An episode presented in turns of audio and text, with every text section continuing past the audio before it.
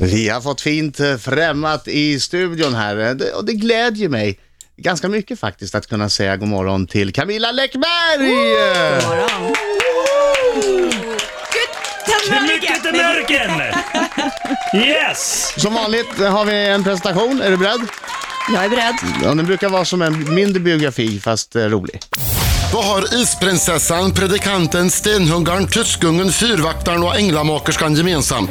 Jo, alla är de ju böcker som författats av Fjällbackatösen Camilla med det tagna efternamnet Läckberg. Och där tar vi bort dialektfiltret. Denna avhoppade civilekonom är så populär ute i världen att hennes böcker har översatts till 20 språk. Hon är nyskild men syns ändå ständigt med sin exmake Martin Melin. De verkar ha ett så kärvänligt förhållande att Camilla nyligen retweetade ett Twitterinlägg som Martin gjort om att hans andra exfru hade en blogg. Hängde du med? Inte jag.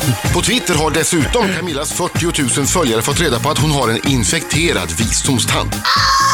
Men Camilla lagar också världens godaste risotto, läser alltid dödsrunorna i tidningen, är rädd för åskan, snarkar och det grövsta och tar med sig eget knaperstekt bacon ut på restaurang. Ja, och så är hon super-Charlies morsa också. Camilla Läckberg! Ja, där fick du med mycket. Men de fick inte med att du kom fyra i Let's Dance. Nej, Just det. tycker jag inte vi ska prata mer med Marco här. Ja, just det, Nej. precis. Danskungen. Eh, Känns det, känns det jobbigt att bara komma fyra? Du vill ju vinna. Jag vill mer fokusera på att jag kom tvåa i riktig danstävling. Hur har det gått för dig på den fronten, eh, Marco? jag har När lagt- tävlar du nästa gång? Jag har lagt eh, dansskorna på hyllan, jag är klar med det där. Men det var för någon månad sedan. Då var du i, i New York och tävlade på riktigt. Ja, Pro-Am-kategorin kallas det. En proffs som tävlar tillsammans med en amatör och jagar amatören. Varför gjorde du det? Därför att jag eh, ville fortsätta dansa och jag har lite svårt att bara gå och hobbystuffa sådär ett par gånger i veckan. Jag måste ha någonting att mäta mig mot och kämpa Alltså, som för. ett mål. Ja. Alltså, som folk som joggar vill springa. Ja men typ. Maraton. Så att, eh, Ja. ja, så att jag behöver det här, en tävling att liksom taggas mot. Och där kom du tvåa. Yes. Kommer du tävla någonting framöver? Ja, vi har inte bestämt när vi kör nästa tävling, men någon gång i vår och sen är jag jättesugen på eh, tävling i Las Vegas nästa höst. Men hur många gånger kan du tävla innan du blir proffs? Nej, det blir jag aldrig. Det, det, det är nog för sent vid 40 att bli, bli proffs, För de har, de har dansat varje dag, fem timmar om dagen sedan de var fyra år typ. typ. De Så att, det, det är liksom too late. Men hur duktig är du då? Vad, vad säger folk? Och varför kom du bara fyra i Let's Dance om du är så bra? Precis. Ja, ha, Jag vill, på träna lite, jag vill hinna träna lite mer sedan dess. Men var det en sån här grej, för det känns ju som att när du gör något, då gör du det ordentligt. Eh, alltså, var det en sån grej att du tänkte, var det lite triggande kanske att du kom fyra i Let's Dance? Jo, men lite grann så. Och jag har väl lite grann det som ett motto, att allting som är värt att göra så är ju värt att göras ordentligt. Och det var väl lite grann också under Let's Dance så gick jag väl lite bananas med antal tävlings eller träningstimmar och sådär. Ehm, men, eh, Hur ja, många men, träningstimmar gjorde du om dagen? ja, men vi var i alla fall i träningsstudion i så här sju timmar om dagen, Sju? sju dagar i veckan. Ja. Uff! De kallade ju mig och Christian för ryssarna. Liksom. Nej. Ja, hur mycket tränar du, Marco? Jag, jag, alltså jag hade ju eh, ganska lätt för mig att lära mig koreografin, så att jag var där kanske tre. Alltså typ fem dagar i veckan. Och då käkade jag lunch också. Ja, Ja, ganska långa luncher som du vet att det blir när man träffas och det finns mycket att prata om. ja, Ja, ja. det är ja fantastiskt. intressant, intressant, intressant. Men det är alltså inte slutdansat. Då sätter jag en bock där. Hon dansar vidare. Och den som dansar vidare är... Camilla Camilla Läckberg. Läckberg! Det var, det var en fråga om bacon. Ja, precis. Eh, eh, Hur kommer det sig att du tar med eh, färdigstekt bacon till en restaurang? Jo, men det här var faktiskt jag och min exman nummer ett som eh, ledsnade på att när man gick på Hard Rock Café och beställde baconburgaren med knaperstekt bacon så var baconet aldrig knaperstekt. Nej. Så att eh, vid nästa tillfälle vi gick tillbaka så tog jag saken i egna händer. Knaperstekte bacon, la det i folie, s- la det i handväskan. Så beställde vi ostburgare istället. Och när ingen tittade så bara lyfte vi lite på locket och bara smög ner lite knaperstekt bacon. Fan, vad Det är lite så jag jobbar liksom. Så här, man måste fixa saker själv här i livet. Mm. Och du, sa du någon gång till dem där borta att hörni, det här baconet är ju inte... Ni säljer detta bacon som knaperstekt, men det är det icke. Jo, jag påpekade det vid flertalet tillfällen. Ändå funkar men inte, då får man ja, inte de fattar inte, så att då får man liksom ta saken i egna händer. Ja, verkligen. Men blev du aldrig påkommen? Med, med vad? Med baconet? Med, med, med smusslingen på, för det måste ju vara en ganska kul situation att bli påkommen när man ur handväskan liksom langar fram lite Folie. baconstrimlor. Och jag ser att de bara ligger helt naket i väskan nu. Du sa folie, jag hörde inte det. Jag ser framför mig någon dyr väska där du bara halar upp och så lägger på och då kommer någon personalen och bara, Om, om, om min väska skulle bli snattad eller någon väsktjuv någon gång skulle de bli lite överraskad. Besvikna. En Mark Bacons. åh! Snyggt.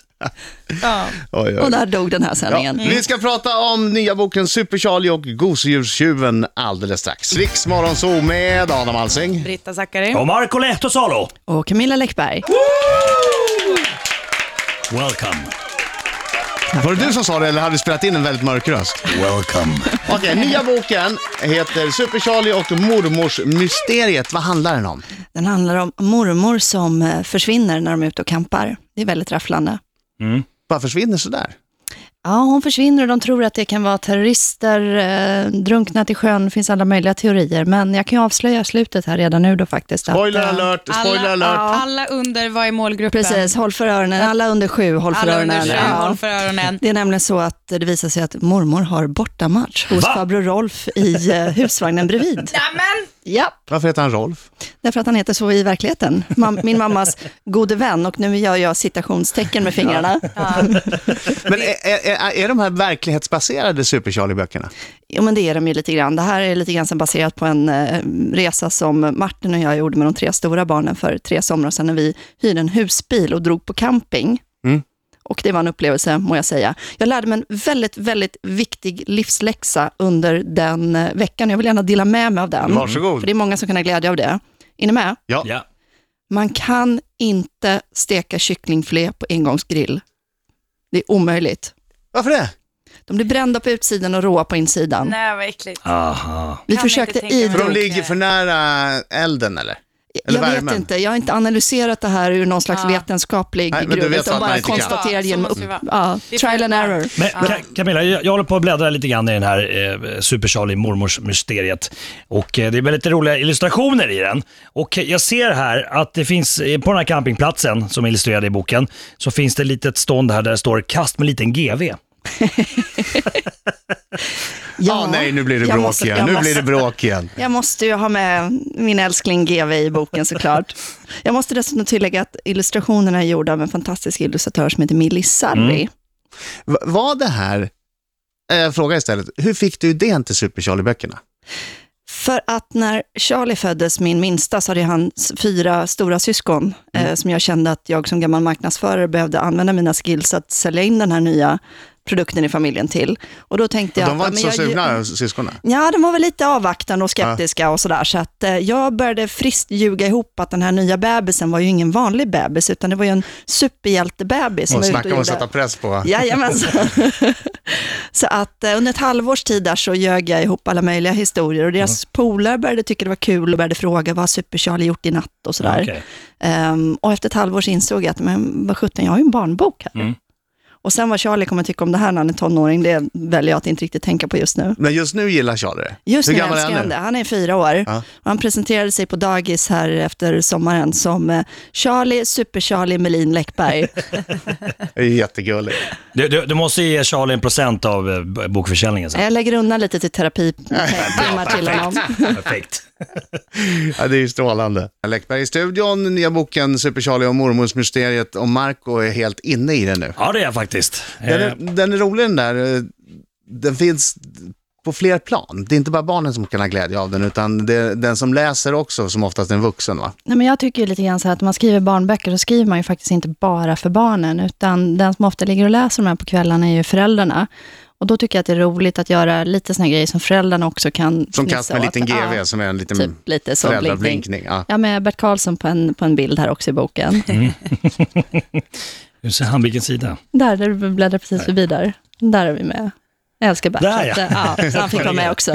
Ja, men det är kul, just med illustrationer är mycket där man kan prata, eh, inte bara läsa utan prata om själva bilderna och hitta saker. Men det är också och- så man ska hitta, hitta lite nya saker Ja. varje gång man läser, Yes. att det ska finnas liksom, och det är Millis fantastisk också på att liksom hitta de här små grejerna som man Kanon! upptäcker. När kommer nästa Läckberg-deckare? Vad håller du på med Melodifestivalen och hur låter Super Charlie? Tre saker du får reda på alldeles strax. Studion Adam Britta? Marco och Camilla Läckberg.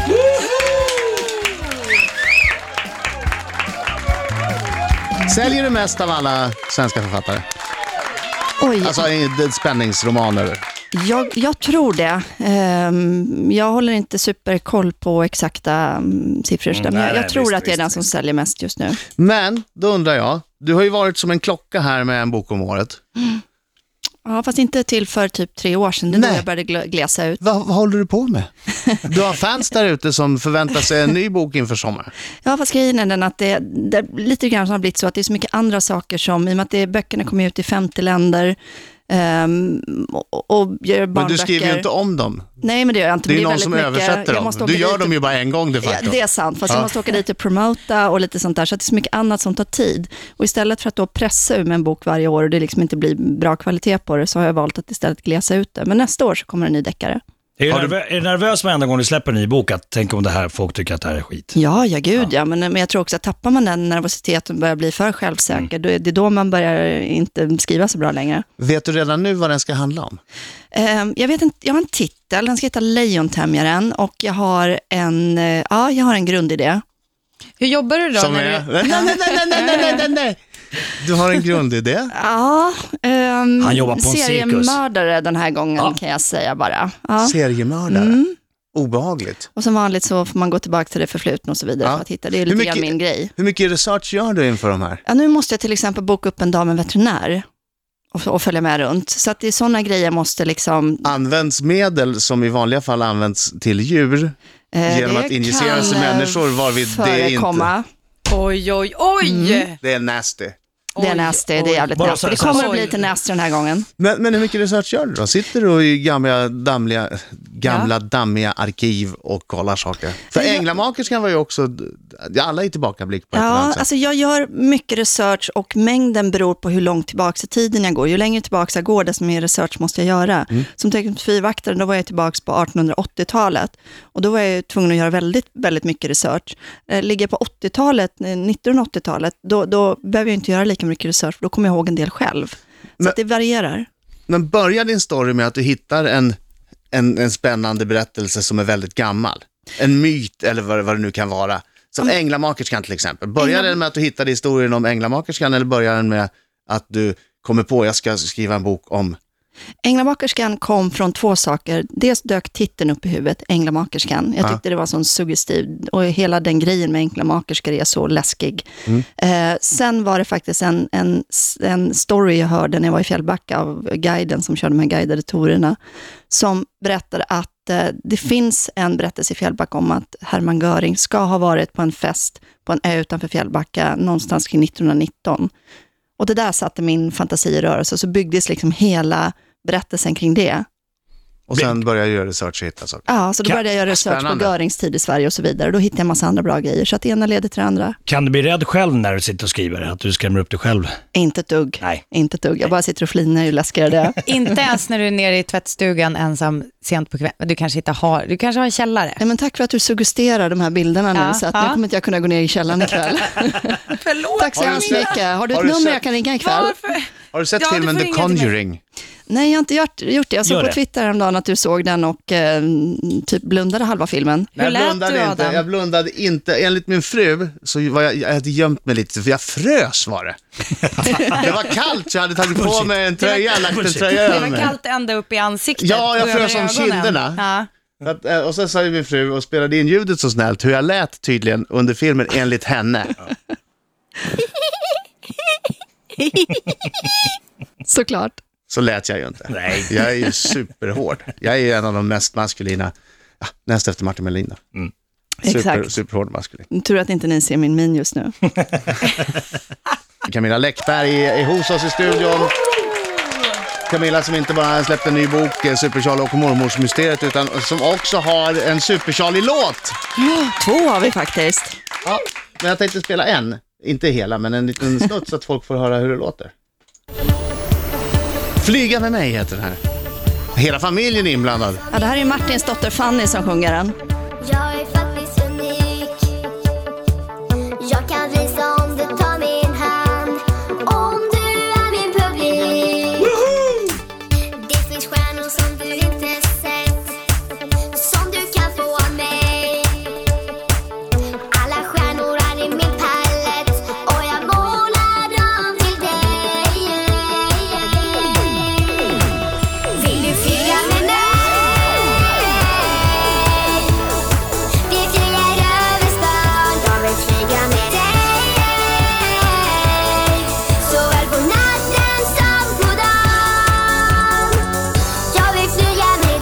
Ser framtiden ut för Super Charlie då? Bra hoppas jag. Där kommer det komma en bok om året och eh, jag hoppas att det här ska bli en barnboksfigur som blir en del av en ny generations uppväxt. Det hade varit fantastiskt. Och hur ser framtiden ut för Super Charlie då? Bortsett från att det är en bok om året. Ehm, Han vill åt något särskilt. vad tänker du nu? Jag tänker att om jag känner dig rätt, så är det ju inte bara så att du har släppt en låt och en bok, utan någon, du har ju kommit på idén att, ah, vänta nu, det här kan ju bli en, få se nu, Super Charlie, den här boken den passar utmärkt som ett tv-avsnitt på är 22 klart, Mm. minuter eller en film på en timme eller en halv. jo, men det är klart att det finns sådana tankar, men jag känner lite grann att, att det där vill jag vänta lite grann till med tills det finns en fem, sex böcker i serien, så att man verkligen har hunnit lära känna karaktären. Men det är klart att det finns sådana tankar, det hade varit fantastiskt. Så Jag det, sa ju ja, det. Sa ju det. Hon vill Lite- samla upp till en tv-säsong. N- exakt. Du, det här med att du gör massa, att du så helhjärtat kastar in i så många olika projekt. Mm. Är det för att du ska slippa känna efter? Nej, men jag, alltså jag, jag har alltid gillat att jobba. Och jag gillar också det här, den här känslan när man uppnår någonting, att man sätter upp ett mål och man faktiskt genomför det. Jag tycker det, det ger mig en kick och jag, jag är skitdålig på att vara ledig. Jag vet inte riktigt vad jag ska göra när jag är ledig. Jag jobbar hellre. Jag Gud vad tråkigt det del... lät. Nej, verkligen inte. Det var ju en, en tråkig fråga, men, men den första allvarliga frågan som kanske har ställts här på sex veckor. En del, Ja, faktiskt. Jag, jag tänkte, Nej, men en del som jag har- här en del som har pausen som väldigt- väldigt, väldigt mycket projekt och grejer. har det därför att det, är- när de sitter där och inte har något projekt, då börjar de fundera och tankar som är svåra att hantera, som Då kanske inte alltid är positiva. Ja, det. möjligtvis. Mörkret. Mm. Jag tänker inte så mycket. Det är enklare så. Vi har märkt det. Va? Va? Vad sa han? Jag tyckte vi var för allvarliga i 20 sekunder, då var jag tvungen att hitta på en utväg ur det. Vi har Lisa Miskovsky skicka vidare fråga till dig alldeles strax. Här. Förseglad. Från Oj. Lisa Miskovsky. Det kan stå vad som helst. Vi vet ju inte vad det står. Men Hon känns väl rätt snäll, Ah, tycker jag. Lite Skenet snäll kan och lite bedra. försynt och lite, så att jag har I de höga lugnaste förhoppningar här. vatten. Är det så? Herregud, hon har skrivit en, en novell. Här har Ja. hon mycket text. Det ser lite ut som ett hotbrev med någon tjock svart De här tuschpenna. klistrade, urklippta bokstäverna ur Expressen som jag ser just nu. Åh, oh, de, de är jobbiga, de breven som är... Har du fått sådana? Inget radavstånd, skrivet över hela pappret, ända ut i marginalerna. Ja, och som är på tio sidor och skrivet på båda sidor. Jajamensan, sådana får jag. med, där finns det lite plats, där lägger jag ett ord. Ja, sådana får jag ibland. Ja. Hej Camilla, det här är från Lisa Miskovsky. Läste just en intervju med dig, tycker att du är spännande. Jag undrar, när du började skriva och vart slappnade du av bäst mitt i allt? Alltså, jag började skriva redan när jag var typ fyra, började jag göra böcker, så att jag har skrivit hela mitt liv. Men jag började bli författare på riktigt när första boken kom ut 2003, så att det är tio år. Mm. Men, men skrivan har alltid varit en jätte, jättestor del i mitt liv. Var det då du började försörja dig på det, 2003? Eller? Ja, inte när jag var fyra år. Nej. Hur kom det sig att du ändå, för du har pluggat civilekonom eller i alla fall börjat och hoppat Ja, jag, nej, jag var ju färdig och jag jobbade ju Ja. som civilekonom ett par år. Men Ja. ehm, det, det var mer för att jag trodde inte man kunde bli författare på riktigt. Utan Nej. då var jag tvungen, tvungen att skaffa mig ett riktigt jobb. Och vart slappnar du av då mitt i allt? Är det i, sommarstugan eller är det i, i Fjällbacka eller? Ja, sommarstugan i Norrtälje, där eh, slappnar jag av väldigt bra faktiskt. Jag ska tjejhelg där i helgen som kommer och dricka massa rött och käka ost och sådär. Ehm, men sen hemma också, jag älskar ju skräp-tv. Alltså Real Housewives, New Jersey och sånt där. Ah. Då kopplar jag av på riktigt. Då Love det. it alltså. Tack för att du kom hit. Tack så hemskt mycket. Vi har ju en liten låt vi brukar spela som alltid brukar föra med sig att våra gäster börjar dansa, märkligt nog. Alltså allt från Lennart Ekdal till... För den är så medryckande Ja, tydligen. Marco kör en sväng här då. Ja, men du, du kommer köra lite solodans. Jag kommer filma dig. Nej men ska inte du vara med Marco? Ja, var med och dansa och filma samtidigt. Sätt på, sätt på nu då, vi kör. Där har vi en Let's Dance-vinnare och en eh, Pro M2 som bara dansar runt. Det var inget fel de gör det. De, de håller varandra om ryggen. Det är som en tango nästan. Och Marco känns som att han gjorde det här för länge, länge sedan medan Camilla känns betydligt mer up to date med dansen. Ja, vi lägger ut den där på Riksmorgonsols Facebook-sida alldeles strax. Snyggt Camilla! Han höll ju på att bryta av hennes... När man ser Jag, jag dansa, vågade inte riktigt låta Marco dippa mig kände jag. Jag var inte helt komfortabel där. Nej. när man ser er tillsammans är det obegripligt att du bara kom fyra i Let's Eller hur? Jag måste faktiskt hålla Jag med. hade tur, jag hade tur.